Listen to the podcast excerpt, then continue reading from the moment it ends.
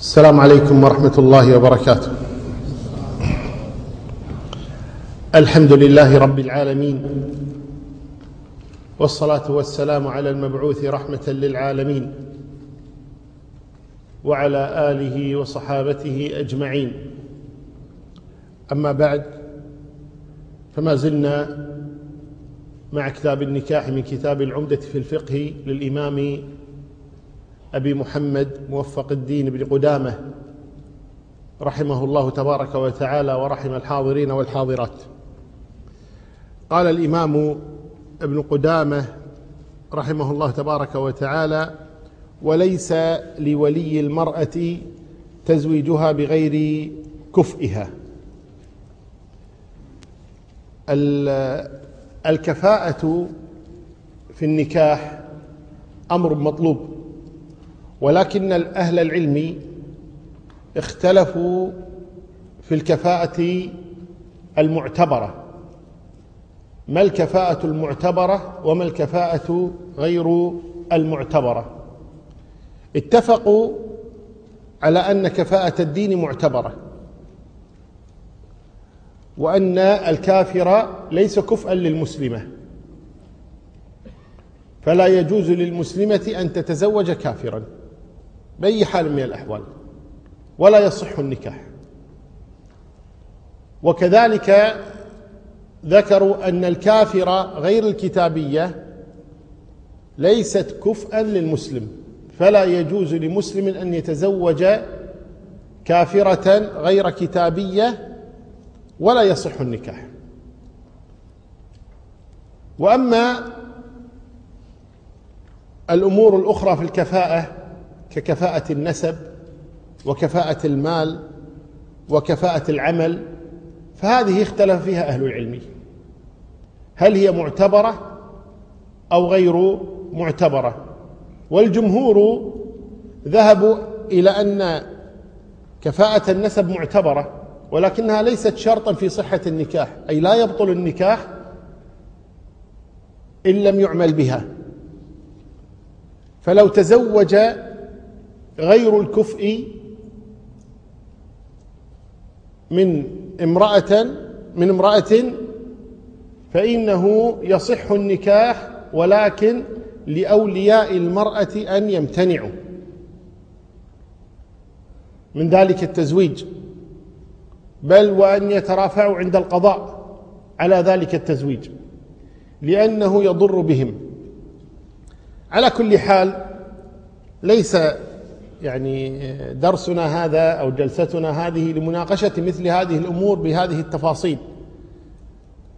ولكن المشهور في مذهب أحمد قولان قول اعتبار كفاءة النسب وقول عدم اعتبار كفاءة النسب. وقد ثبت عن النبي صلى الله عليه وسلم أنه زوج آه، زينب بنت جحش بنت عمه لزيد بن حارثة وهو مولاه. وزوج فاطمة بنت قيس الفهرية القرشية لأسامة ابن زيد وهو أيضا مولى. وكذلك ثبت أن علي بن أبي طالب زوج ابنته أم كلثوم لعمر ابن الخطاب وهي هاشمية وعمر قرشي ليس هاشميا. وزوج أبو بكر أخته للأشعث ابن قيس وهو كندي وهي قرشية. فبعض أهل العلم اعتبر في النسب أن النسب الهاشمي أعلى شيء ثم القرشي ثم بقية العرب.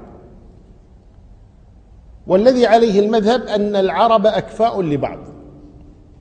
الذي عليه المذهب العرب أكفاء لبعض. يعني الهاشمي للهاشمية أو غير الهاشمية والهاشمية للهاشمي أو غير الهاشمي وكذلك القرشية والقرشي وكذلك العرب للعرب فقط. ويرون أن غير العربي ليس كفءا للعربي. يرون أن غير العربي ليس كفءا للعربي. يعني الزوج ليس كفءا للقبيلة أو الأسرة العربية وهكذا. على خلاف في المسألة. على كل حال الأقرب والعلم عند الله تبارك وتعالى في هذه المسألة أن العقد صحيح قطعا. لو تزوج عربي قرشية العقد صحيح. أو تزوج غير عربي قرشية أو عربية فالعقد صحيح. ولكن لو امتنع وليها أو امتنعت هي من الزواج بمن تراه ليس كفءا لها فهذا لا يعيبها ولا يعيب أباها ولا يعيب وليها.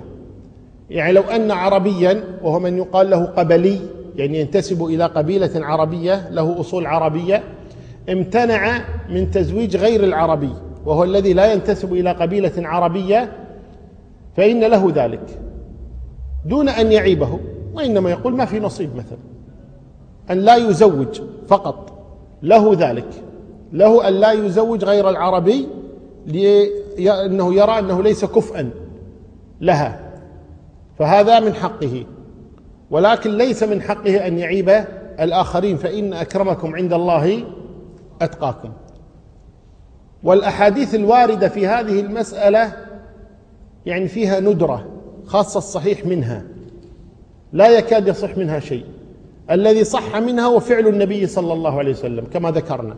زوج زيدا لفاط... لزينب وزوج أسامة لفاطمة وزوج علي أم كلثوم لعمر وزوج أبو بكر أخته للأشعث وتزوج المقداد بن الأسود ضباعة بنت الزبير بنت عبد المطلب بن عبد المطلب فمن حيث صحة النكاح يصح. وأما من حيث الأحاديث الواردة العرب أكفاء لبعض لا يصح.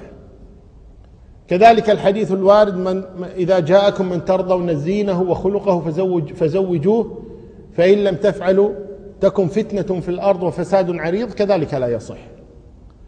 فإذا ما صح هذا ولا صح هذا رجع الأمر إلى الإباحة. إلى الإباحة وأنه له أن يمتنع لأنه يراه أنه ليس كفءا لها. هذا من حيث الكفاءة أو من حيث الكفاءة في النسب. أما الكفاءة في الدين فهي على نوعين. إما أن يكون كافرا أو كافرا لمسلم فهذا لا يصح كما قلنا خاصة إذا كانت غير كتابية طبعا. أما الكفاءة في الدين من ناحية أخرى وهو سؤال وردنا قبل وهو تزويج المبتدع مثلا. أو الفاسق أو الزاني. فإن العفيفة لا تزوج إلا العفيف فلا يجوز تزويج الزاني. لقول الله تبارك وتعالى الزاني لا ينكح إلا زانية أو مشركة والزانية لا ينكحها إلا زان أو مشرك. وهذا خبر متضمن للنهي أيضا. فالشاهد أن الزاني لا يزوج حتى يتوب والزانية لا لا تتزوج حتى تتوب كذلك. وأما أهل البدع فإنه طالما أنه داخل في دائرة الإسلام لم يخرج منها وإنما انحرف ببدعة فإن العقد صحيح ولكن أيضا لا ينبغي أبدا لولي المرأة أن يتساهل في هذا الأمر فيزوج فيزوج موليته لمبتدع. وكذا الأمر بالنسبة للفاسق وإن كان العقد صحيحا. الأصل في العقد أنه صحيح طالما أنه مسلم وهي مسلمة العقد صحيح. لكن نتكلم من حيث حقها من حيث حقها عليه فمن حقها عليه أن لا يزوجها إلا بمن هو كفء لها في الدين. وأما الكفاءات الأخرى كفاءة المال وكفاءة العمل فهذه الصحيح والذي عليه الأكثر أنها غير معتبرة. فنبقى إذن عند كفاءة الدين وذكرنا التفصيل فيها ثم كفاءة النسب. العبد ليس كفءا للحرة. يعني إذا تزوج العبد حرة العقد صحيح ولكنه ليس كفءا لها. يعني لها أن تمتنع إذا تقدم لها عبد. وليس المقصود بالعبد الأسود ترى أكثر العبيد بيض. أكثر العبيد في صدر الإسلام بيض. ما له شغل ترى اللون. لكن آه، آه، اشتهر السود بأنهم عبيد لأنه في فترة من الفترات كان الناس يذهبون إلى أفريقيا ويسرقون الناس من أهاليهم ويبيعونهم ظلما من أفريقيا. فاشتهر أو التصق اسم العبد بالأسود. وهذا ليس بصحيح. فالعبد هو الذي أسر في معركة مع الكفار. هو الكافر الذي أسر هذا هو العبد. الكافر الذي أسر هذا هو العبد. وجزيرة العرب كما هو معلوم في ليس فيها سود. أفريقيا فتحت بعده عهد النبي صلى الله عليه وسلم وكان في عبيد والعبيد هؤلاء كلهم بيض. فالعبد ليس مرتبطا بالأسود. فعندما نتكلم نقول العبيد أو العبد أو كذا ممكن يكون يعني يطيح الطير من السماء. مملوح ومزيون وهذا وكذا وعبد ما له شغل ترى. فليس هناك تلازم تلازم بين العبودية وبين اللون. هذا أمر. نعود مرة ثانية. العبد ليس كفءا للحرة. وذلك أن بريرة وهي أمة عبدة يعني أمة ولكن يقال للمرأة أمة ويقال للرجل عبد. البريرة كانت أمة متزوجة من عبد. ثم اعتقتها عائشة. اعتقتها لوجه الله. قالت لا اذهبي فأنت حرة. الآن هي حرة وزوجها إيش؟ عبد. فجاءت لزوجها وقالت أعتقتك لوجه الله. فارجني. شوف لك واحدة ثانية مثلك. قال وأنا زوجك؟ قالت أنا الآن حرة. احمد ربك أسولف معك. انطلق. ابحث عن امرأة أخرى. فذهب زوجها مغيث إلى النبي صلى الله عليه وسلم يبكي. كان يحبها الظاهر. فقال يا رسول الله بريرة أعتقت وقالت لي إنها لا, لا تريدني زوجا. يعني طلقني فارقني. الآن تفارقني. خلاص. فأتاها النبي صلى الله عليه وسلم أو ناداها فقال لها ما لك يا بريرة؟ قالت لا أريده. فقال لها النبي صلى الله عليه وسلم ارجعي إليه. يعني ظلي معه. فقالت يا رسول أتأمرني؟ هل أعتبر هذا أمرا منك أن أرجع إلى مغيث؟ هل تأمرني؟ قال لا إنما أنا شافع. فدل هذا على أنه لو لم يكن من حقها أن تنصرف عنه لكان النبي صلى الله عليه وسلم يقول نعم آمرك أو يقول ليس لك الحق خير إن شاء الله ولا صرت حرة صار يعني؟ هو زوجك. أبدا ما قال لها شيء من ذلك. قال إنما أنا شافع. قالت فلا حاجة لي به. بايعتها. قالت فلا حاجة لي به. ففرق فرق بينهم. خلاص طلق أمره النبي أن يفارقها خلاص. فالعبد إذا ليس كفءا للحرة. طبعا هذا تترتب عليه أمور. ترتب عليه أمور. ولذلك سيأتينا أن الحر لا يجوز له أن يتزوج العبد أشد ترى. يعني العبد في تحريمها على الحر أشد من تحريم العبد على الحرة. يعني العبد أصلا لا يحرم على الحرة. لا يحرم على الحرة أن يتزوجها عبد. ولذلك النبي صلى الله عليه وسلم لو كان هذا يحرم لو جاءه مغيث وقال لا تريدني كان قال نعم هي حرة وأنت عبد. خلاص. يفرق بينهم النبي صلى الله عليه وسلم. بل النبي شفع له صلى الله عليه وسلم فدل على أن هذا لا بأس به. لكن الحر يتزوج عبده هذا منهي عنه. ولذلك الله تبارك وتعالى قال ومن لم يستطع منكم طولا أن ينكح المحصنات المؤمنات فمما ملكت أيمانكم من فتياتكم المؤمنات. وإذا سيأتينا أنه من شروط جواز زواج الحر بأمة أن يكون لا يملك ثمن أمة لا يملك أن يتزوج حرة لا يستطيع أن يصبر. ثلاث شروط. إذا اجتمعت هذه الشروط جاز له أن يتزوج أمة واحدة بس ما يتعداها إلى هذه الدرجة. فإذا الذي نريد أن نقوله أن العبد ليس كفءا للحرة ولا يعني هذا أن العقد غير صحيح. لو تزوج عبد حرة ورضيت ورضي أولياؤها فالعقد صحيح لا شيء فيه. قال المؤلف رحمه الله تعالى والعرب بعضهم لبعض أكفاء وليس العبد كفءا لحرة ولا الفاجر كفءا لعفيفة. إذن الفاجر كما قلنا هو الزاني ليس كفءا للعفيفة وكذلك الزانية ليست كفءا للزانية طيب أو الزانية ليست كفءا للعفيف قال ومن أراد أن ينكح امرأة وهو وليها فله أن يتزوجها من نفسه بإذنها. شلون تصير هذه؟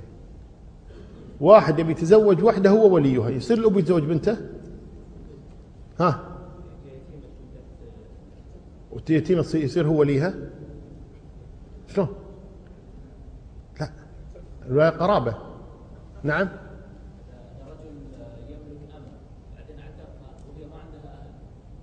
ما يصير وليها. ابن عمها ابن عمها. إذا وحدة يعني أبوها توفي وجدها توفي مو متزوجة ما عندها عيال ولا عندها إخوة مثلا طيب وليها عمها. عمها غير موجود ابن عمها يصير وليها. فابن عمها هو الذي يملك أن يزوجها لغيرها لغيره. طيب هو يريد أن يتزوجها؟ هو يريد أن يتزوجها. هل يجوز أن يكون هو زوج وولي؟ في الوقت ذاته يجوز. يجوز أن يكون زوجا ووليا. يكون هو الولي وهو الزوج طبعا ثم يأتي بقية الشهود. هذا أمر آخر غير الشهود. لكن في مجلس العقد يقول ماذا يقول له الملك؟ ها؟ يلا واحد يحلها لنا الآن. شو يقول في العقد؟ يحاكي نفسك انه مجنون. يقول زوجتك بنت عمي فلان ويقول حق نفسه قبلت. زوجت نفسي من موليتي فلانة. يقول زوجت نفسي من موليتي فلانة. ها؟ موافقون؟ يقول هك اللي موافق يرفع يده. زوجت نفسي من مولية فلانة أو قبلت الزواج من مولية فلانة. أو يقول زوجت نفسي وقبلته اي نعم. إيجاب وقبول. الآن الإيجاب والقبول منه ولا لا؟ نعم. معنا؟ لا اللي وراك؟ معنا؟ أي نعم. إذا يكون منه الإيجاب ويكون منه القبول. يصح. يصح أن يكون منه الإيجاب والقبول. أن يكون منه الإيجاب والقبول إذا كان هو ولي إذا كان هو ولي المرأة. طيب. إن زوج عبده لأمته. طيب. جاز أن يتولى طرفي العقد. طيب. هو زوج العبد من أمته. هو رجل عنده عبيد وإماء.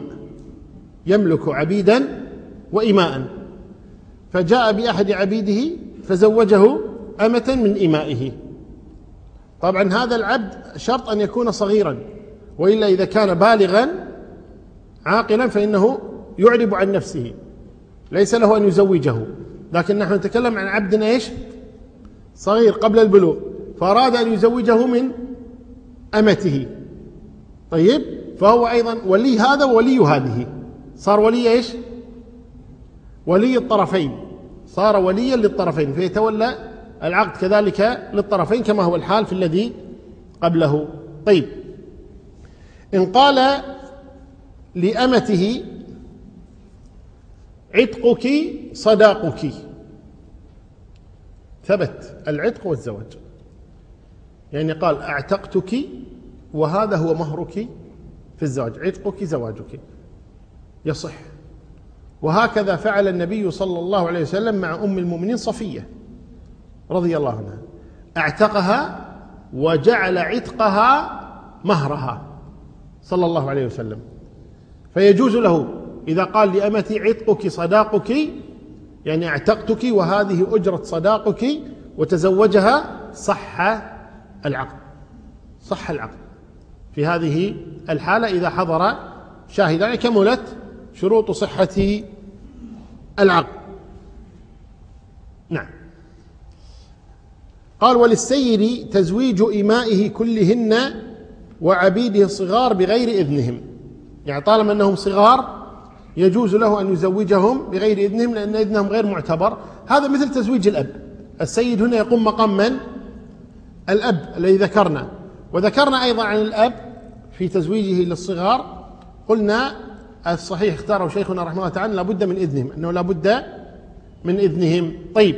قال السيد يزوج إماءه وعبيده الصغار دون إذنهم لأنه مالك لهم. وله أن يزوج أمة موليته بإذن سيدتها.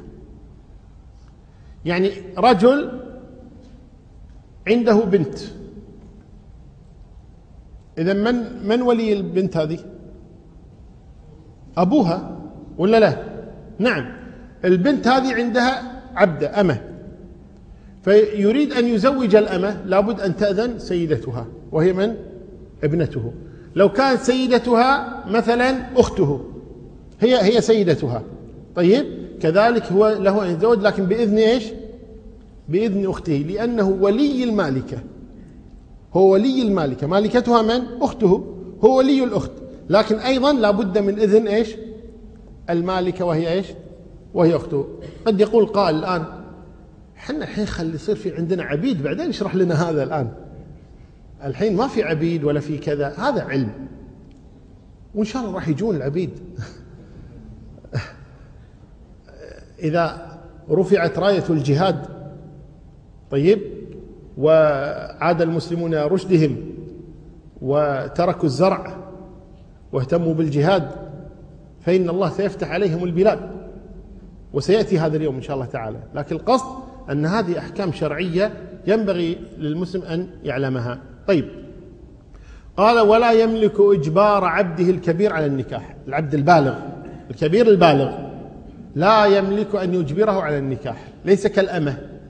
يعني الأمة يجعلون كالبنت والعبد كالثيب لا يملك إجباره. لا يملك إجبار العبد على النكاح إذا كان عاقلا بالغا. نعم. قال لا يتزوج العبد إلا بإذن سيده. هذا هو الأصل. أن العبد لا يتزوج إلا بإذن سيده. ليس له أن يتزوج بإذن سيده وإلا كان عاهرا. فالأصل أن يتزوج بإذن سيده لأنه يضيع عليه إيش؟ حقه. وليس لسيده أن يمنعه من الزواج. فعندما نقول أنه لا بد أن يتزوج بإذن سيده لا يعني هذا أنه له أن مثل المرأة. ليس لها أن تتزوج إلا بإذن وليها وليس معنى هذا أنها تمنع من الزواج أو من حق وليها أن يمنعها من الزواج مطلقا. إن فعل يعني تزوج بغير إذن سيده من وراه ما يدري. سيده وتزوج هذا العبد. قال فمهرها في رقبته كجناية. المهر الذي قدره لها يكون كالجناية التي قام بها. يعني لا يعتبر مهرا وإنما يعتبر جناية يعتبر جناية فيدفع سيده إن شاء دفع وإن شاء باعه وسدد قيمة المهر لهم. من تزوج أمه على أنها حرة ثم علم فله الفسق. ضحكوا عليه. شاف عند واحد واحدة من بناته أعجب بها. فجاء قال أبي أتزوج بنتك فلانة. قال أبركها ساعة. قبل ما في شهادات ميلاد وبطاقات مدنية وكذا. قال زوج بنتك فلانة. قال أبركها ساعة. زوجتك فلانة على كتاب الله وسنة رسوله على مهر مقداره كذا إمساك بمعروف أو تسريح بإحسان. قبلت؟ قال قبلت. خذها. يوم أخذها وكذا. بعدين جاء واحد قال ما شاء الله تزوجت فلانة؟ قال قال الله يهديك. قال قال ما تدري أن لا يجوز للحر أن يتزوج عبده أما إلا بشروط؟ قال أدري. بلى أدري. قال شلون تزوج؟ قال حرة. قال أمه. قال بنت فلان. قال ما هي بنته؟ هذه من إمائه. وليست من بناته خاصة إذا كان يعاملها معاملة حسنة كواحدة من بناته. فظن أنها إيش؟ ابنته. وذاك استحى يقول له. أو قال ما في داعي معود خل. الله يستر عليها خلها تروح. طيب. وزوجه الأمة على أنها إيش؟ على أنها حرة. وهو لا يعلم. وهو لا يعلم. هنا يقول من تزوج أمة على أنها حرة ثم علم فله الفسخ. ولما نقول له الفسخ يعني يأخذ مهره كاملا. هذا معنى إيش له؟ الفسخ يرجع بمهره لأنهم غشوه. لا كان يجب عليهم إيش؟ أن يخبروه. قد يقول قائل الآن وش وش صار؟ خلي يتزوج أمه شو المشكلة يعني؟ ليش أنتم متشددين؟ هكذا. سيأتينا لماذا؟ آه الإسلام متشدد في هذه القضية. إن كان الفسخ طيب قلنا له أن يفسخ. طيب احتمال دخل واحتمال لم يدخل. يقول إن كان الفسخ قبل الدخول فلا مهر له. المهر لها بما استحل من فرجها. ولا لا؟ المهر إذن يكون لها. دفع خمسة آلاف خمسة آلاف لها. خلاص راحت. راحت عليه. خمسة آلاف لها. طيب. وإن كان الفسخ بعد إن كانت قبل الدخول فلا شيء. قلنا ليس لها مهر. إن كان بعد الدخول فلها المهر. إذا واحد تزوج أمه قبل أن يدخل علم. قال فلينا أعطوني فلوسي. يعطونا فلوسه كاملة. بعد أن دخل علم. أنها أمه. قال غشيتوني. قالوا والله نستغفر الله. شنو تستغفر الله؟ وفلوسي. قالت جامعتها. قال جامعتها لأنها حرة. الآن تبين لي أنها عبدة. قال وجماعك هذا له يعني يروح ببلاش هكذا. قال يعني شلون؟ قال هذا حقها. هذا حقها المهر له تأخذه. تأخذه راحت عليك. المهر أخذته كاملا. أخذته كاملا. وهو إذا أنجبت له إذا أنجبت جامعها عقب ما حملت مثلا. طيب علم أنها أمة. اسمعي متى علم أنها أمة؟ بعد ما حملت الآن. جاء قال جاي يقول باركوا لي باركوا لي قال ها شو مبارك لك؟ قال جاني ولد جاني ولد. ولدت زوجتي ولد. وهذا يدري إنه متزوج أمة. زين؟ وهو ما يدري حسبها إيش؟ حسبها حرة. فيقول باركوا لي رزقت بولد. قال مبارك لك ليش؟ مبارك حق سيدها. سيد منه؟ قال الحين ولدك هذا عبد لسيد يتبع أمه في الحرية. هذاك اللي رزق الحين جاء له عبد جديد ببلاش. لأن الولد يتبع أمه في الحرية والرق. يتبع أمه في الحرية والرق ويتبع أباه في النسب. فإذا ولذلك منع الإسلام من تزوج إيش؟ الأمة لأن الأولاد يتبعونها. فأنت إذا تزوجت أمة طيب أولادك منها عبيد. عبيد لمن؟ لسيدها. يتبعون أمهم. يتبعون أمهم في الرق والحرية. صح يشيل اسمك لكن عبد. واحد يقول ليته ما يشيل اسمي بعد. هم يشيل اسمي وهم عبد. واضح؟ كيفك؟ هذه غلطتك. ليش تزوج أمه؟ لماذا تزوجت عبده؟ الأولاد يتبعون أمهم في الحرية والرق. طيب الآن نرجع إلى صاحبنا. صاحبنا إيش قلنا؟ لا يدري. صاحبنا لا يدري. تزوجها وجاي يقول باركوا لي رزقت بولد. قصدك رزق فلان بعبد؟ قال لا أنا رزقت بولد. قال زوجتك أمة. زوجتي أمة نعم. راح للقاضي. قال مصيبة. ما مصيبتك؟ قال تزوجت امرأة على أنها حرة ثم ظهر لي أنها عبدة أمة. والآن ولدت. ويقولون ولدي صار عبدا لسيدها. فكني يا قاضي. شوف لي مخرج شمال يمين. ها؟ فقال له القاضي هنا قال له شوف أنت تبي ولدك حر؟ قال نعم أبي حر. قال أنت مسكين غشوك. أنت لا تعلم؟ قال والله لا أعلم أنها أمة لأن إذا كان يعلم خلاص هذا برضا. قال أنت لا تعلم أنها أمة قال والله لا أعلم أنها أمة ثم ينادون أهلها. يقول يعلم أنها أمة قال لا والله ما أخبرناه أنها أمة زوجته علمتي أنك أمة؟ قالت لا والله استحيت. أن أقول أني أنا أمة. إذا هو إيش؟ ثبت أنه إيش؟ وقع عليه غش. صحيح؟ فيقول له القاضي خلاص ولدك حر. ولدك إيش؟ نحكم له بالحرية. لكن ادفع قيمته حق سيده. ادفع قيمته. واضح ولا لا؟ تدفع قيمته. يعني لو فرضنا أنه عبد كم قيمته؟ 100 دينار. 200 300 400 دينار ادفع 400 دينار لسيده اللي هو كان الأصل أنه إيش؟ سيده اللي هو سيد الأمة. أنتم معي ولا ضعتوا؟ ها؟ معي؟ زين. فقال تدفع قيمته لسيده ويكون ولدك إيش؟ حرا. قال زين لحظة بعد طمع الحين. قالوا فلوسي اللي دفعت 5000 قالوا راحت علي. مهر اللي دفعته. قال من اللي غشك قال لي غشني أبوها. قال أبوها يعطيك 5000 5000 لها هي. لكن أنت الحين تحتاج إيش؟ تعويض. يرجع لك اللي غشك. من اللي غشك؟ قال غشني أبوها. قال أبوها يرجع لك. من غشك؟ قال صاحبي. صاحبك يدفع لك. من اللي غشك؟ أخوي. أخوك يدفع لك. شوف من الذي غشه؟ من الذي زوجه إياه وهي أمة ولم يخبره أنها أمة؟ طيب يدفع المال الذي دفعه هو. إذا هو طلع فيها إيش؟ بالسليم. ها؟ طلع بالسليم. أخذ ولده وأخذ مهره. زين؟ فالآن كيفكم؟ تتزوجوا إماء بس أهم شيء لا تدري. تزوج وانت مغمض طيب وترجع لك إن شاء الله فلوسك لكن المشكلة صار اللي غشك ما عنده يدفع لك. ها؟ يقول لك اصبر علي. وما تحصل ما يحصل لك شيء. طيب. اذا هذه الحالة. طيب الرضي درى أنها أمة. جاء منها ولد قالت لا أنا ودي أقول لك سر خطير. شنو السر الخطير؟ قالت أنا أمة. أنت أمة؟ نعم أنا أمة. و شو اسمه؟ ولدي اللي ولدتيه. قالت الله يعينك عبد. قال لا أنا ما أقبل أن يكون ولدي عبدا. أنتم غشيتوني أنتم كذا أنتم كذا.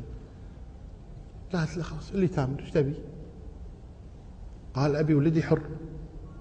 أدفع قيمته حد. سيدها بعد إيش تبي؟ قال أبي أبي فلوسي اللي دفعتها. قالت شو فلوسه؟ خلاص تبي طلقني؟ واضح ولا لا؟ افسخ النكاح طلقني. زين؟ واخذ المهر منه قال أحبك. يحبها يبيها. قال أحبك. قالت والله عاد ما أدري. كيفك؟ راح لأبوها أو سيدها عفوا. قال لها قال له الآن الآن أنت غشيتني. قال أنا آسف. قال وش تنفع آسف؟ قال آسف الحين إيش تبي؟ قال أبي ترجعون لي مهري. قال أبشر. هذا جيك خمسة آلاف. يلا ورجع لنا بنيتنا. قال لا أحبها. قال ما يصير. تريدها زوجة لك؟ قال نعم أريدها زوجة لي. قال أمة الحين تدري أنت الآن. أمة. قال والله تسوى ستين حرة. أمة أمة راضي. قال زين الولد هذا فلت. ترى أي ولد يجيك عقب عبد لي. خلاص لأنه صار الآن إيش؟ ها؟ برضاه وعلمه. صار الآن برضاه وعلمه. فكل أولاده بعد ذلك يكونون إيش؟ يكونون عبيدا. كل أولاده بعد ذلك يكونون عبيدا. إن شاء الله وضحت الصورة. جميل. إذا قلنا الولد يتبع أمه بالرق والحرية ويتبع أباه بالنسب. يتبع أباه بالنسب. نعم. الآن ندخل في موضوع جديد وهو المحرمات من النساء وهذا يحتاج إلى انتباه. عندك سؤال اكتبه بورقة سلمه للإخوة هنا.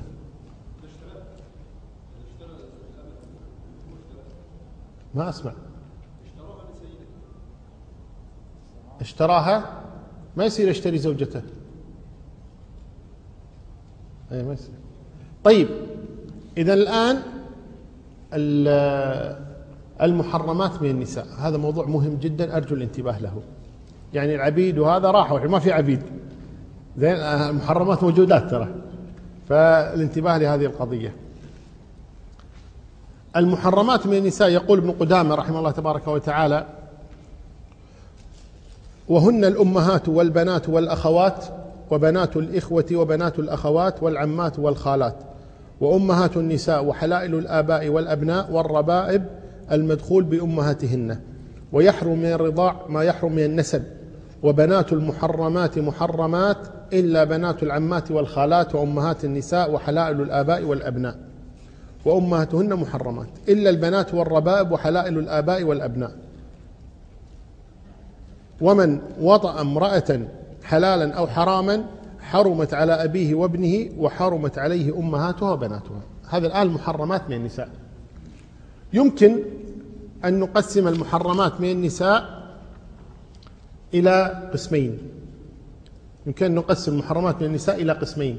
محرمات على التأبيد ومحرمات على التأقيت أو على إلى أجل إلى حين. في محرمات مؤبدا. لا يمكن أن تتزوجها بأي حال من الأحوال.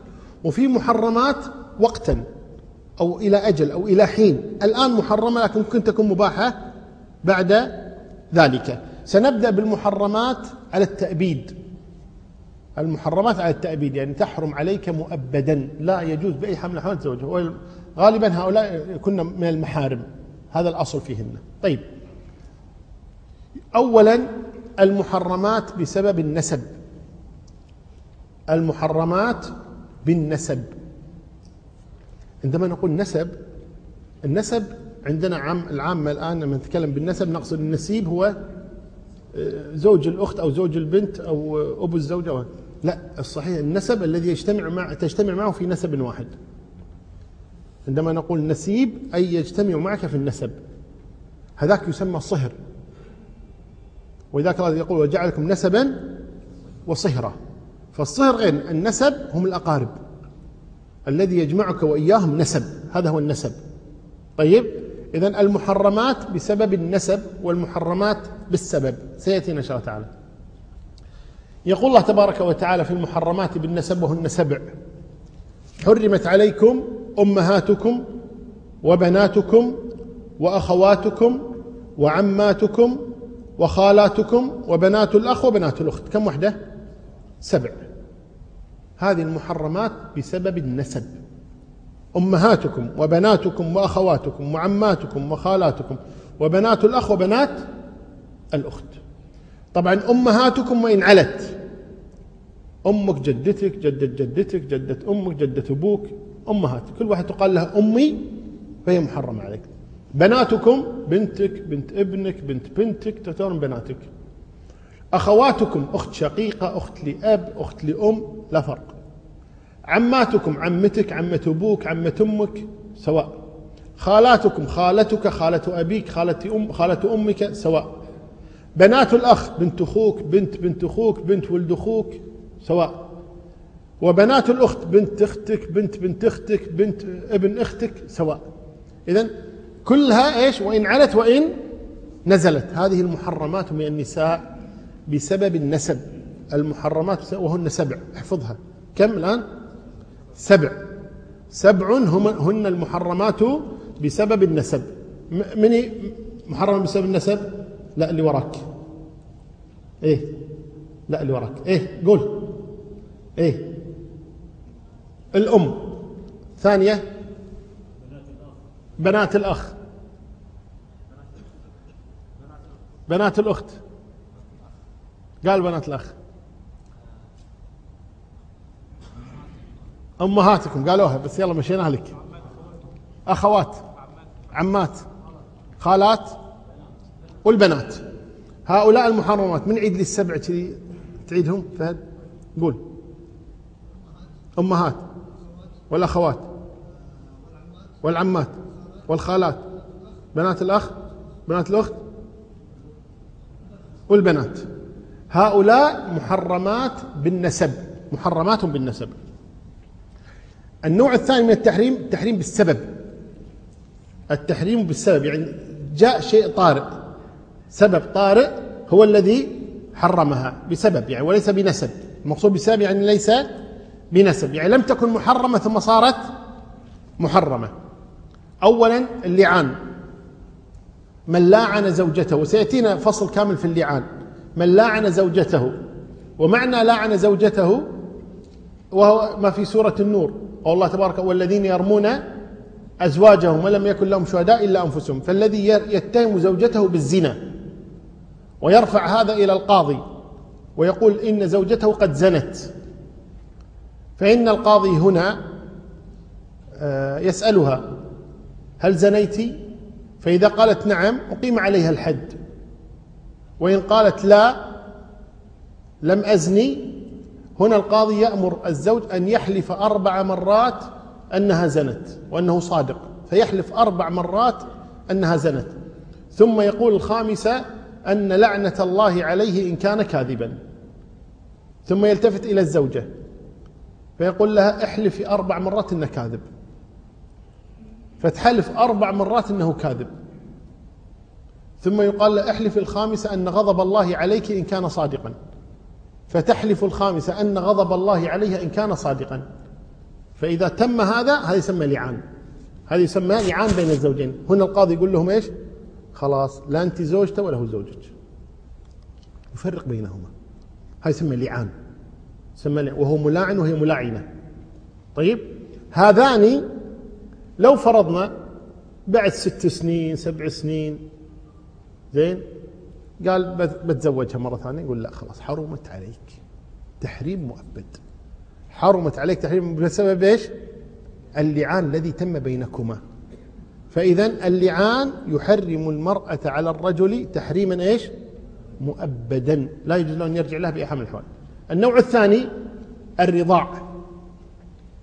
الرضاع. يقول النبي صلى الله عليه وسلم يحرم من الرضاع ما يحرم من النسب. يحرم من الرضاع ما يحرم من النسب. الآن كم عندنا المحرمات بسبب النسب؟ نسب. ثلاث؟ سبع. أي نعم. سبع. من يعد السبع كلهن؟ كلهن؟ نعم. أمهاتكم. وبناتكم. رتب. وأخواتكم. وعماتكم. وخالاتكم. وبنات الأخ. نفسهم بالرضاعة بالضبط. يعني تحرم عليك في الرضاع أمهاتك وبناتك وأخواتك وعماتك وخالاتك وبنات الأخ وبنات الأخت بالضبط. وإذا قال النبي صلى الله عليه وسلم يحرم من الرضاع ما يحرم من كم صار العدد؟ سبعة وسبعة. الحين 14 وحدة محرمة عليك. وإذا أضفنا اللعان 15 15 صنف ها؟ صنف ولا وحدة؟ صنف لأنه ممكن بنات أكثر من وحدة أخوات أكثر من وحدة عمات أكثر من وحدة صح ولا لا؟ ممكن عمتك وعمة أبوك وعمة أمك ما تخلص. طيب إذا الآن خمسة عشر صنف هذه محرمات عليك. النوع الثالث المصاهرة. تحرم عليك بسبب المصاهرة. مصاهرة اللي إحنا نسميه نسب وهو الصحيح مصاهرة. طيب المحرمات بسبب المصاهرة أربع. أول وحدة زوجة الأب. زوجة أبيك محرمة عليك. خلاص مؤبد. حتى لو طلقها حتى لو مات أبوك خلاص أنت محرم لها. يعني كل هؤلاء أنت محرم لهن ما عدا اللعان. الملاعنة ما يكون محرما لها. محرمة عليه لكن لا يكون محرما لها. ما يسافر وياها يقول خلاص أنا محرم عليك نسافر مع بعض. أبدا. طيب فإذا حرام وليس محرم. واضح؟ لكن السبع في الرضاع والسبع في النسب حرام ومحرم. طيب زوجة الأب حرام ومحرم. زوجة الأب حرام ومحرم. زوجة أبيك لو تزوج أبوك امرأة فأنت محرم لها. لو طلقها أبوك تتغطى عن أبيك ولا تتغطى عنك. خلاص. أبوك ما يصير يقعد معاها يسافر معاها أنت تسافر معاها. واضح ولا لا؟ خلاص زوجة أبيك حرمت عليك على التأبيد بمجرد العقد. مجرد أن يقول تزوجتها إحنا إيش قلنا أمس؟ مو قلنا قال له قال له زوجتي قال له شنو؟ عمتك. خلاص. قضت زوجة أبيك هذه.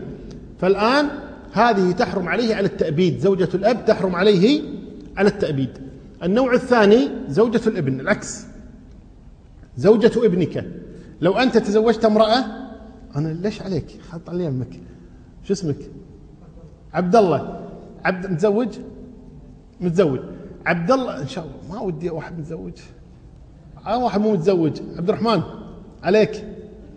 يلا عبد الرحمن عبد الرحمن الآن لو تزوجت امرأة ثم بعد ذلك طلقتها.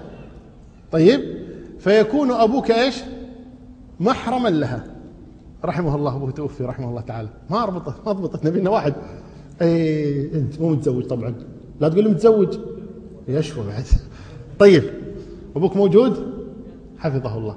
طيب لو تزوجت الآن امرأة ولنفرض اسم إيش تبي؟ شو الاسم اللي تحبه؟ ها؟ عهود؟ هدى؟ يلا. تزوجته شو اسمك؟ مؤيد؟ مهند. مهند تزوج هدى. طيب ثم بعد ذلك طبعا هدى الآن إذا تزوجها مهند ما تتغطى عن أبيه ولا لا؟ يكون محرما لها أبوه. بعد ذلك مهند زعل معها وقال لها روحي أنت طالق. قالت له خير. الله يوفقك. شوي مهند شافها ولا قاعدة مع أبوه مسافرة مع أبوه. بروح العمره متى تروحين معاه ولا بروح مع أبوك. شلون تروحين مع أبوي؟ مطلقك أنا. قالت اي بس أبوك ما طلقني.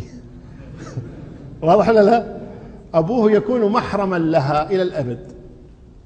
أبوه يكون إيش؟ محرما لها إلى وإن طلقها وإن مات عنها؟ أبوه يكون محرما لها إلى الأبد واضح ولا لا؟ إذا زوجة الأب ثم زوجة الابن. الثالثة وهي أم الزوجة. أم زوجتك.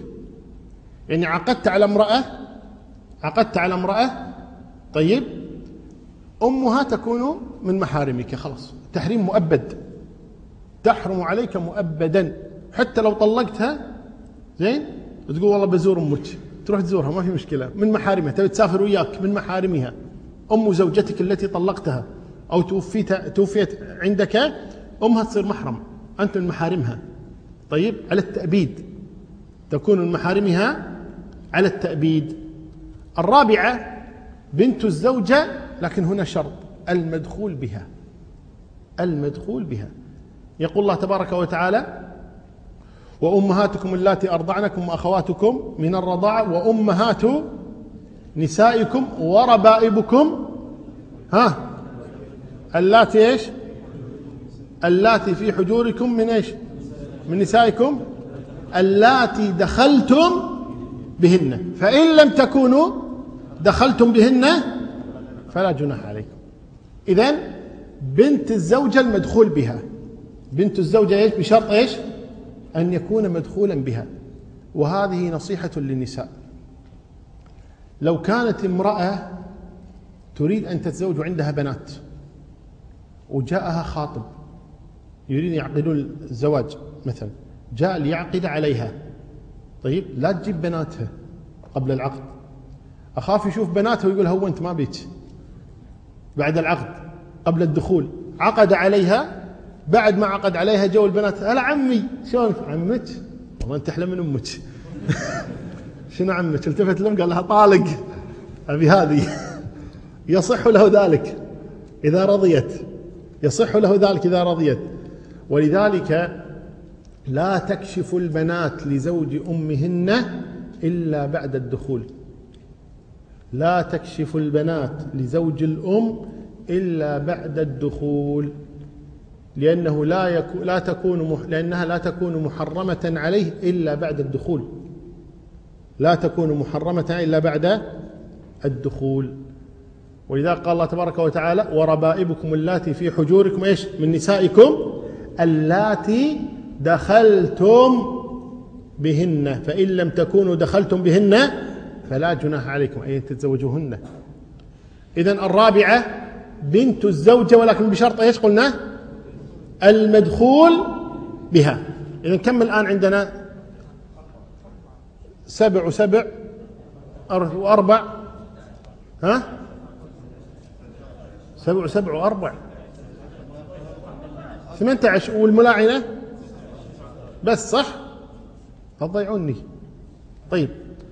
الخامسة أو الخامسة بالتحريم والرابعة في السبب وهي الاحترام وهن أمهات المؤمنين.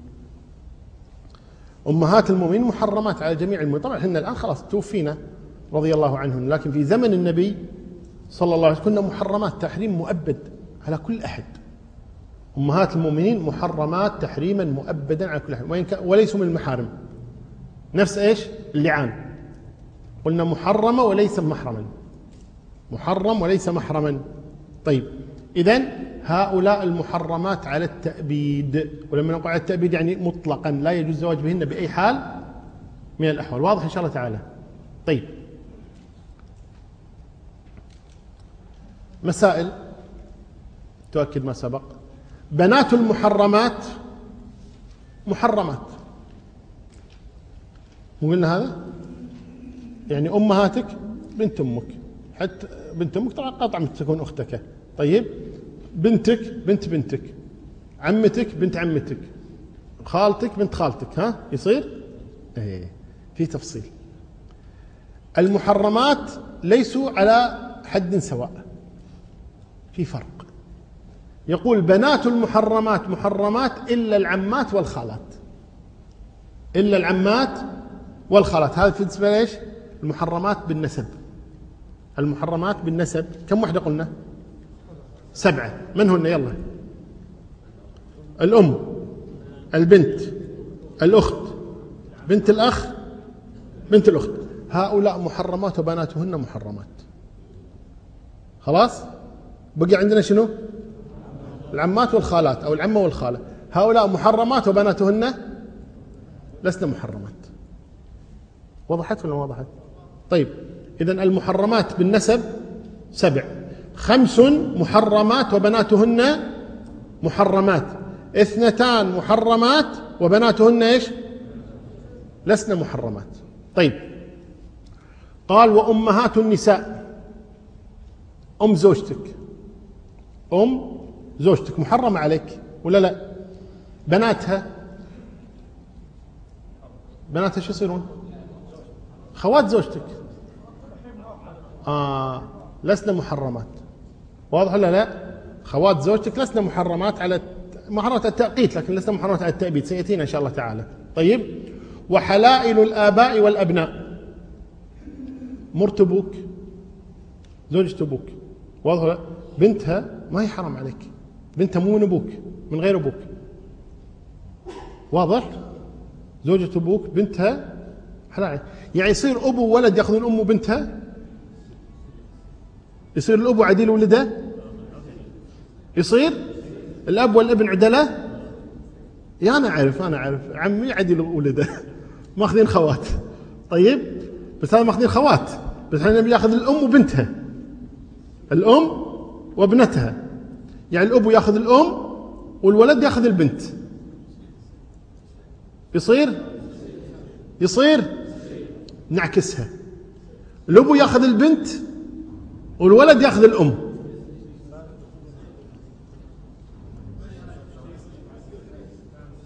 حلائل الآباء والأبناء نفس الشيء. لا فرق لا فرق. بس دايخين ذولي. زين. اللي الأب ياخذ البنت والولد ياخذ الأم. واضح؟ نعم. إذا من حيث العقد العقد صحيح. من حيث العقد العقد إيش؟ العقد صحيح. يعني بس هني الأب يقول حق ولده إيش؟ يا عم. زين. فالقصد هنا أن حلائل الآباء قلنا الخمس المحرمات بالنسب أو السبع المحرمات بالنسب خمس إيش؟ بناتهن محرمات. اثنتان بناتهن غير محرمات. وهن إيش قلنا؟ العمة والخالة. طيب ممتاز. أمهات المحرمات محرمات. أيضا أمهات المحرمات محرمات. إلا البنات والربائب. إلا البنات والربائب. أمهات المحرمات نعود نعود للمحرمات مرة من هن المحرمات؟ الأم. والبنت. والأخت. ها؟ والعمة والخالة وبنت الأخ وبنت الأخت. يقول أمهات هؤلاء محرمات إلا البنات. أوف. يعني يجوز أتزوج أم بنتي؟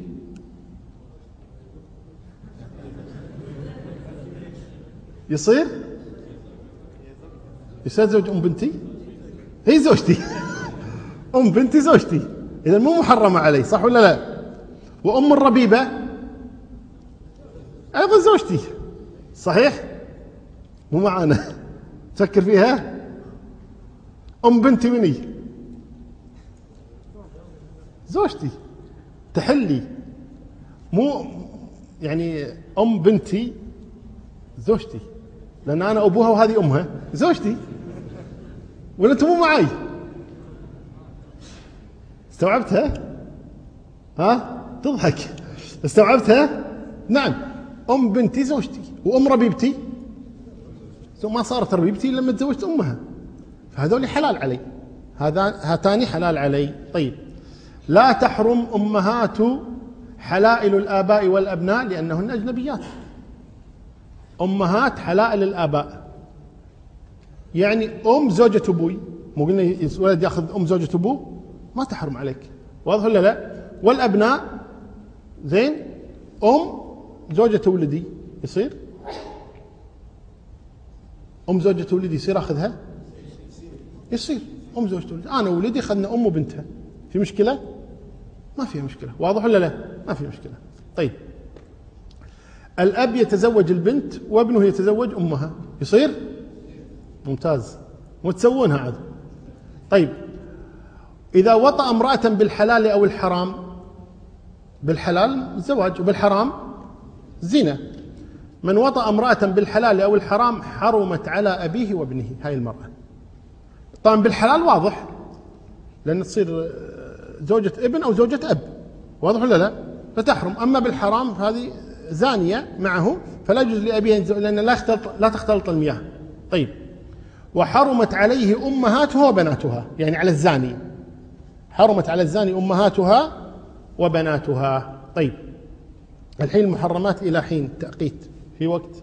يعقوب. قولي. قولي. ها؟ دقيقتين وبعد عندنا الأسئلة. ربع ساعة. ناخذ من وقت الأسئلة. طيب. لأن أنا ما ودي نفصل بين الموضوعين بين موضوع المحرمات على التبييض والمحرمات على التأقيت أو إلى حين. المحرمات إلى حين يعني تحرم عليك الآن ولا تحرم عليك بعد ذلك. أول شيء بس بقول لكم قصة وقعت لي. جاء شخص يسأل. كنا جالسين. فجاء شخص يسأل. فقال عندي سؤال. ولم يوجه السؤال لي وإنما وجه السؤال لصاحبي. وللأسف صاحبي كان يحمل شهادة الدكتوراه. طيب؟ فقال له قال أنا بكرة أو أنا أريد أن أسافر إلى العمرة. أنا أريد أن أسافر إلى العمرة. أنا وزوجتي. يصير أخت زوجتي تروح معانا للعمرة ولا لا؟ فقال له طبعا يصير. أنت الحين يصير تزوج أخت زوجتك؟ قال له لا شلون؟ خالة عيالي شلون تزوجها؟ ما يصير؟ قال خلاص أنت محرم لها واضح ولا لا؟ فأنا ما قدرت أسكت. قلت له دكتور. قال نعم. قلت له أنت محرم حق زوجتي. قال ليش؟ قلت له ما يصير تزوجها زوجتي هذه ما يصير انت تتزوج. أنت محرم لها. قال ها؟ قلت له واللي متزوج أربع يدش خر من اي بيت. محرم حق كل كل النساء ما يصير يتزوج خامسة. خلاص كل البيوت هو محرم لهم. اللي يقول لا. فنظرت إلى السائل قلت له لحظة يبا في شيء اسمه محرمات على التأبيد وفي شيء محرمات على الت... اخذ زوجتك محرم عليك الحين. لو ماتت زوجتك أو طلقتها يصير تزوجها ترى. فهي ما أنت محرم لها. لست محرما لها. فما يصير تأخذها معك. هذا تحريم مؤقت. ولا بد أن نفرق بين التحريم المؤبد والتحريم المؤقت. طيب نعود للموضوع. اذا أول شيء الجمع بين الأختين. لنهي النبي صلى الله عليه وسلم أن يجمع الرجل بين الاخت أو قول الله تبارك وان تجمعوا بين الأختين. اذا الجمع بين الأختين هذا محرم مؤقتا. فلو ماتت أو طلقت يجوز لك أن تأخذ أختها. غير الكتابية والمسلمة واحدة لا هي مسلمة ولا كتابية. كافرة غير كتابية. مجوسية هندوسية بوذية سيكية أي شيء. المهم إنها لا مسلمة ولا كتابية. هذه تحريم مؤقت. لو أسلمت يصير يتزوجها؟ يصير يتزوجها. واضح ولا لا؟ إذا تحريمه على التأبيد ولا على التأقيت؟ تأقيت معين على وقت معين. فيما لو تغير شيء لكن عمتي عمتي أخت أبوي الحين حرام تزوجها يصير بعدين؟ يمكن يصير شيء. يمكن تطلق من زوجها يمكن كذا ولا ما يصير؟ تأبيد تأبيد. أما الكافرة هذه غير الكتابية فتحريمها تأقيت. الآن حرام علي. لو أسلمت صارت حلالا. إذا هذا يسمون تحريم إيش؟ مؤقت أو إلى حين كذلك الجمع بين المرأة وعمتها والمرأة وخالتها. للحديث الصحيحين النبي صلى الله عليه وسلم يقول لا يجمع الرجل بين المرأة وعمتها والمرأة وخالتها. المحرمة لا يجوز الزواج بها المحرمة. وحدة محرمة لا ينكح المحرم ولا ينكح. إذا وحدة محرمة بحج أو عمرة العقد لا يصح. لا يصح لا يجوز أن يتزوج محرمة. لكن هذا على طول؟ هي بالظلم محرمة على طول؟ ينتهي إحرامها يتزوجها. فهذا تحريم إيش؟ مؤقت. جيد. أكثر من أربع للحر تحريم مؤقت. لو طلق أو ماتت واحدة له أن يتزوج؟ له أن يتزوج. الآن عند أربع تحرم عليه جميع النساء. إن طلق أو ماتت إحدى زوجاته فله أن يتزوج. فالتحريم بالنسبة لبقية النساء إيش؟ مؤقت. كذلك المعتدة بوفاة أو طلاق. لا يجوز نكاحها سواء كانت رجعية بائنة ما لا فرق ترى. من طلاق من وفاة أي معتدة نكاحها باطل. ما يجوز. متى يجوز الزواج بها؟ بعد انتهاء العدة. إذا إلى حين. محرمة الآن لكن ممكن تحل بعد ذلك. كذلك أكثر من اثنتين للعبد. الحر حده أربع العبد حده اثنتان. ليس للعبد أن يتزوج أكثر من اثنتين فقط. الحر ليس له يتزوج أكثر من أربع والعبد ليس له يتزوج أكثر من اثنتين. الزانية. الزاني لا ينكح إلا زانية أو مشركة والزانية لا ينكح إلا زاني مشرك وحرم ذلك على المؤمنين. فيحرم نكاح الزانية. طيب إذا تابت؟ إذا تابت تصير؟ يجوز زانية. إيه بالزانية؟ ها؟ ولو كانت زانية. أهو كده. شنو أهو كده؟ ما يصير أهو كده. نعم لأنها إذا تابت لا يصير اسمها زانية. مثل الكافره إذا يصير اسمها كافرة؟ ها؟ ولا الصحابة نقول كفار لأنهم كانوا كفار في يوم من الأيام وأسلموا خلاص زال عنهم عنهم الاسم. كذلك الزاني والزانيه إذا تاب إيش؟ زال عنهم الاسم. صار صالحا صار تقيا وهكذا وهي كذلك. نعم. زوجة الغير. محرم عليك مؤقتا لو طلقها أو مات عنها زوجها لك أن تتزوجها ولا لا؟ لكن طالما أنها زوجة للغير فهي إيش؟ محرمة عليك. أن تحريم إيش؟ مؤقت. طيب.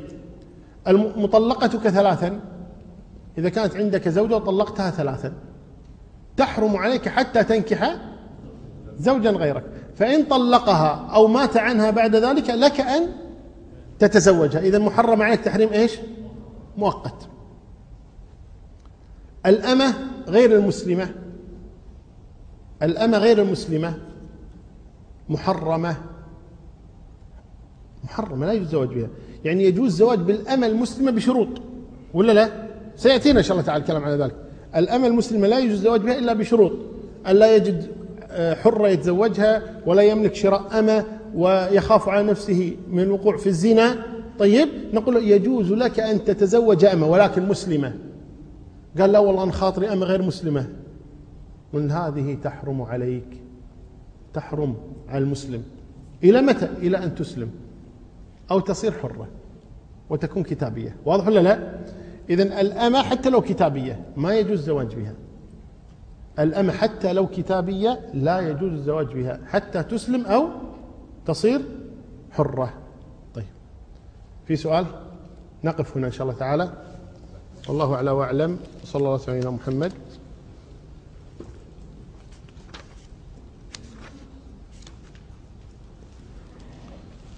الأسئلة عطنا القديم بعد. جزاك الله خير. الشيخ ما وصل. إذا وصل الشيخ نبهني طيب. آه هذا سائل يقول هل كفاءة العلم الدنيوي, الدنيوي الآن تكون معتبرة أم لا؟ الصحيح أنها غير معتبرة. قلنا المعتبر في الكفاءة هو كفاءة الدين والنسب فقط أما باقي الأشياء ليس فيها كفاءة. يقول أحسن الله إليك لا يخفى عليك ما يحدث في كثير من الأفراح من المنكرات من النساء من تشغيل الدي جي والأغاني. وإيش؟ وعند الرجال يطرب بالطبول فالأمر تعدى مسألة الدف هل هذا جائز؟ لا غير جائز قطعا. يعني المباح الدف للنساء والصحيح أنه حتى للرجال بس الدف. أما غير الدف غير مباح الطبول والمعازف هذه كلها لا تجوز لا للرجال ولا للنساء. هل يجوز للأم الموافقة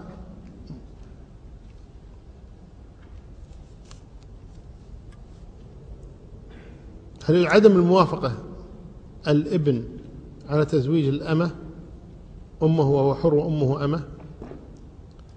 يعني ما يزوج أمه وهي أمة؟ لا سيدها يملكها هنا. سيدها مقدم هنا على الابن. طيب هل واجب على الرجل أن يذهب ويفعل الفحوصات لمعرفة نسبة الإنجاب؟ والله إذا هذه طلبها ولي الأمر وكذا ما في بأس إن شاء الله تعالى. إذا منع أهل الرجل زواجه لسنه مع العلم أنه يدرس في الخارج ومعرض للفتن فما الحل؟ هل الزوج من غير علمهم؟ والله أنا أنصح الأهل هنا أن يتقوا الله في أولادهم خاصة إذا طلب الولد الزواج خاصة وهو متغرب وهناك يعني الأمور متاحة والعياذ بالله وليس عنده أحد يعني يشهد عليه بفعل الفاحشة بل قد يشجعه هناك من يشجعه من أصدقاء السوء وغير ذلك. فأنا أنصح الآباء والأمهات أن يزوجوا أولادهم خاصة إذا طلبوا الزواج. أن يحرصوا على هذا أن يحرصوا على تزويجهم. آه، أما إذا منعوا من ذلك منعوا وخشي على نفسه أن يقع في الزنا فله أن يتزوج بدون علمهم. فالإبن ليس كالبنت البنت التي يشترط لها الولي لكن الإبن لا يشترط له الولي. ما حكم تحديد النسل على ثلاثة أو أربعة أولاد مثلا؟ تحديد النسل لما كان تحديد ما هو تحديد النسل. ال ال الأصل أن الإنسان يتوكل على الله وأن الرزاق الله وأن كل أحد يكتب رزقه وهو في بطن أمه. هذا هو الأصل. أن كلا يكتب رزقه في بطن أمه. هذا هو الأصل. فإذا كان الأمر كذلك فإذا كان هذا اللي يسمونه تحديد النسل أو تنظيم النسل بغض النظر عن التسميات إذا كان هذا لأجل الخوف من الرزق وأن ما عندنا فلوس وأن منين نصرف عليهم هذا لا يجوز. هذا طعن في التوكل. وأما إذا كان لأن المرأة مريضة أو لا تتحمل الحمل أو آه، لأن الأولاد يخرجون مشوهين أو بأمراض معينة أو لأن التربية الآن تحتاج إلى عناية ورعاية وكذا هذا لا بأس به. على النية. ما نيته عندما يعني قال بتحديد النفس يقول خروج الزوج مع الزوجة بعد الملكة قبل الدخول لوحدها. بعض أهل العلم كره ذلك يعني خشية من أن يقع شيء بينهما وقد يقع شيء بينهما قطعا. آه، لكن هي الآن زوجته هي الآن زوجته لكن الذي يخشى أنه قد يحدث شيء بينهما ثم يفارقها بعد ذلك. خاصة أن الناس لم تعلم بعد بعد إلى الآن لم يكن عرس مثلا دعي إليه الناس وكذا. لكن الصحيح أنها زوجته. أنها زوجته. نعم. يقول إذا استأذنت البكر استؤذنت البكر في الزواج وصمتت للرفض فهل الآية تكون موافقة؟ نعم هي قد تسكت رافضة ولكن إذنها صماتها كونها سكتت تتحمل سكوتها. إلا إذا فهم الأب سكوتها يعني إيش؟ غير راضية. لكن إذا فهم من سكوتها أنها راضية هي تتحمل هذا هي التي أخطأت هنا. والحين الله المستعان البنات غير. آه هي تقول أبيه. المستعان طيب في حال غياب الولي مثلا في بلد بعيد وأراد أن يوكل رجلا آخر فهل آه، بالترتيب الذي ذكرناه لا ال ال الولي الولي ليس الترتيب يعني طالما أن الولي الأصلي موجود هو الأب مثلا يوكل أيوة حتى لو أجنبي حتى لو أخوها موجود يوكل أجنبيا لأن الوكيل يقوم مقامه كأن الأب موجود. ليس بالضرورة أن يوكل الأخ أو يوكل العم أو يوكل ابن العم أو يوكل يعني لدوره بالترتيب. لا ليس بالضرورة. لهذا الوصي قلنا الوصي يسقط تسقط وصيته لا وصية آه، بعد الموت وإنما يأتي آه، المرتب شرعيا في الولاية على المرأة. قال وهل يجوز أن يكون رجل من غير محارم وليا لها؟ نعم يمكن. ما صحة تزويج الأخ الصغير لأختي مع وجود الأخ الكبير؟ قلنا ما في بأس. إذا كان هذا الأخ الصغير عاقلا بالغا راشدا فله أن يزوج أخته دون الكبير. إذا كان الأب عاضلا وذهب البنت ذهبت البنت إلى القاضي وحكم بنزع الولاية منه إلى ابنها ورفض الابن أن يزوجها فهل يجوز القاضي أن يزوجها؟ نعم. إذا اجتمعوا على عضلها يعني القاضي قال زوجها قال للأب قال ما نزوجها؟ قال ننزع عنك الولاية. قال بهواك. فنزعها إلى الإبن. فالإبن قال والله كلمة أبوي ما تنزل مو بكيفك ما زوجك. قالت القاضي قالت وديتني الواحد أشد من أبوه. الإبن أشد من أبيه. القاضي هنا ينزع منه لا يصير هو وليها القاضي ويزوجها. طيب. إذا أعتقت المرأة فهو يصبح أبوها وهو عبد وليا عليها هل يكون العبد وليا على حرة؟ بالنسبة للأمة والعبد وليه سيده. الأمة والعبد وليهما سيدهما. طيب. إيه هذا جاوبنا السؤال أنه بقي سؤال. إذا باشر الجد من ناحية الأم عقد زواج حفيدته البالغة وكان أبوها موجودا. هذا أجبناه شفويا هذا. طيب. ولاية المرأة في الزواج قد تكون للأبوة ثم البنوة ثم الأخوة ثم العمومة. فكيف أصبح العباس رضي ولي لميمونة أم المؤمنين رضي الله عنها في زواجها بالنبي صلى الله عليه وسلم؟ أنا ما أعلم أن العباس كان وليا لها. أنا ما أعلم أن العباس عم النبي صلى الله عليه وسلم كان وليا لميمونة في زواجها من النبي صلى الله عليه وآله وسلم. طيب إن تزوج الحر الأمة ثم علم بعد الدخول قلتم لها المهر. السؤال هل لها مهر مثلها أي الإماء أم ما أعطاها ما أعطاها؟ ما أعطاها فهو لها. ما الفرق بين الوكيل والوصي؟ الوكيل يكون في حياة من وكله أما الوصي فيكون بعد موته. هل يجوز زواج؟ الله يهديك. أنا قرأ هي الربيبة هو يريد الربيبة لكن حط بدال راء دال. قالت الدبانة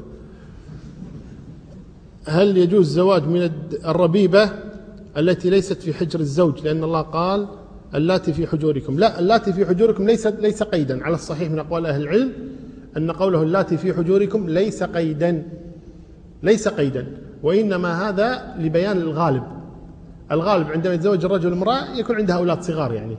إذا هي يعني عندها أولاد يكونون صغار هذا الأصل. وإلا المرأة اللي عندها أولاد كبار أصلا غالبا لا تفكر في الزواج ولا يفكرنا في الزواج بها.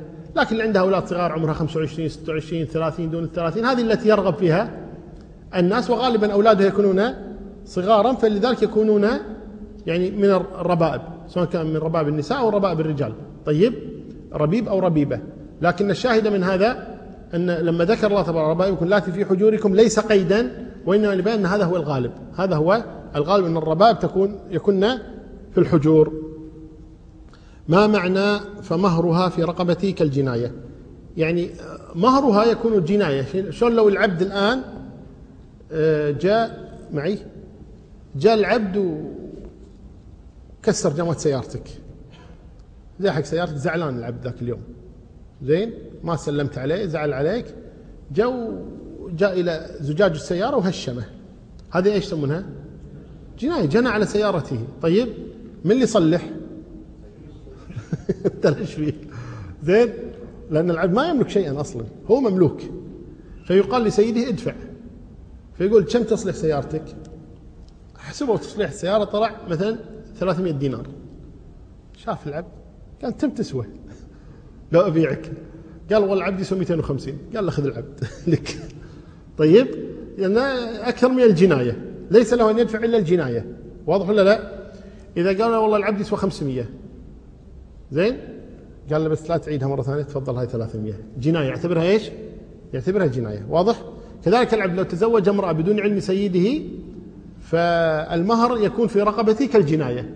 يعني يدفع سيده يدفع سيده مثل اللي كسر سيارة الأخ. أي نعم. هل يقصد بزواج الصغيرة هو العقد عليها فقط أو الدخول بها؟ لا الدخول لا يجوز قطعا إلا بعد البلوغ لكن المقصود بالزواج العقد المقصود بالزواج العقد. طيب. آه هذا في سؤال بعد. هل يبطل عقد النكاح من الأمة إذا كان ممن لا يجوز له نكاح الإماء؟ والله بعض أهل العلم يرى أنه يبطل وبعض أهل العلم يرى أنه يحرم ولا يبطل يعني يأثم ولا يبطل العقد والظاهر الله عنه لا يبطل العقد. فإن كان ممن يجوز له ذلك فرض هل يعتبر هل يعتبران آه، شرطين إذا تضع أحدهما آه، انتفى أحدهما بطل الحكم أي حكم الرق المولود على كل حال إذا إذا إذا رضي يعني إذا علم أن هذا الولد الذي ولد قبل علمه هذا حر ولكن يدفع إيش؟ قلنا إيش؟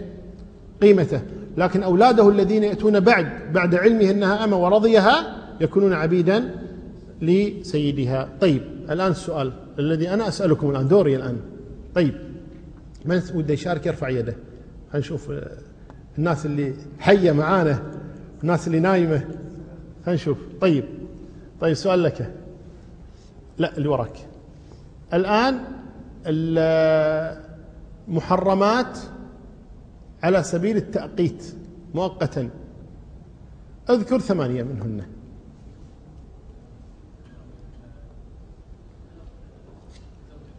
أخت الزوجة. من كان عنده أربع.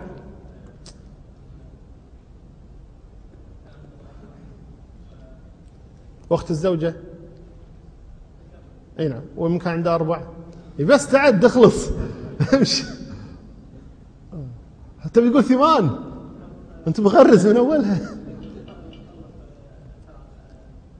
مطلقته. ثلاثا. لا ريح. يلا. جمع بين اختين لا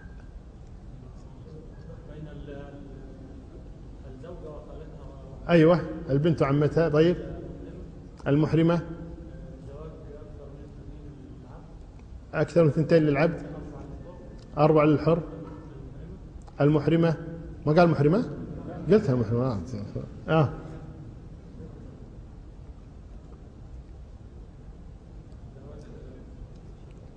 لا أخلص.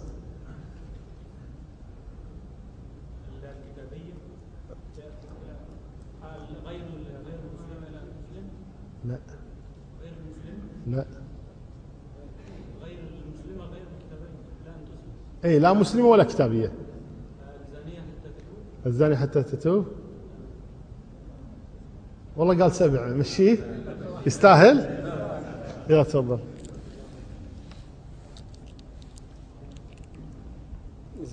حياك الله. طيب من سيشارك؟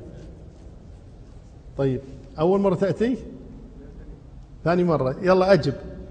اذكر لنا المحرمات بسبب السبب وليس النسب. بالسبب محرمات بالسبب. ها؟ أحتاج مراجعة. المحرمات بالسبب وليس بالنسب. يلا تفضل. اين اللعان.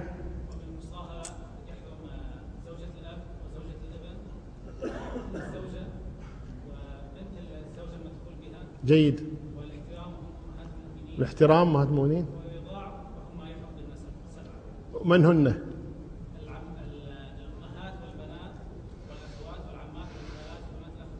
أحسنت. تفضل. والله أعلى وأعلم وصلى الله وسلم وبارك على نبينا محمد.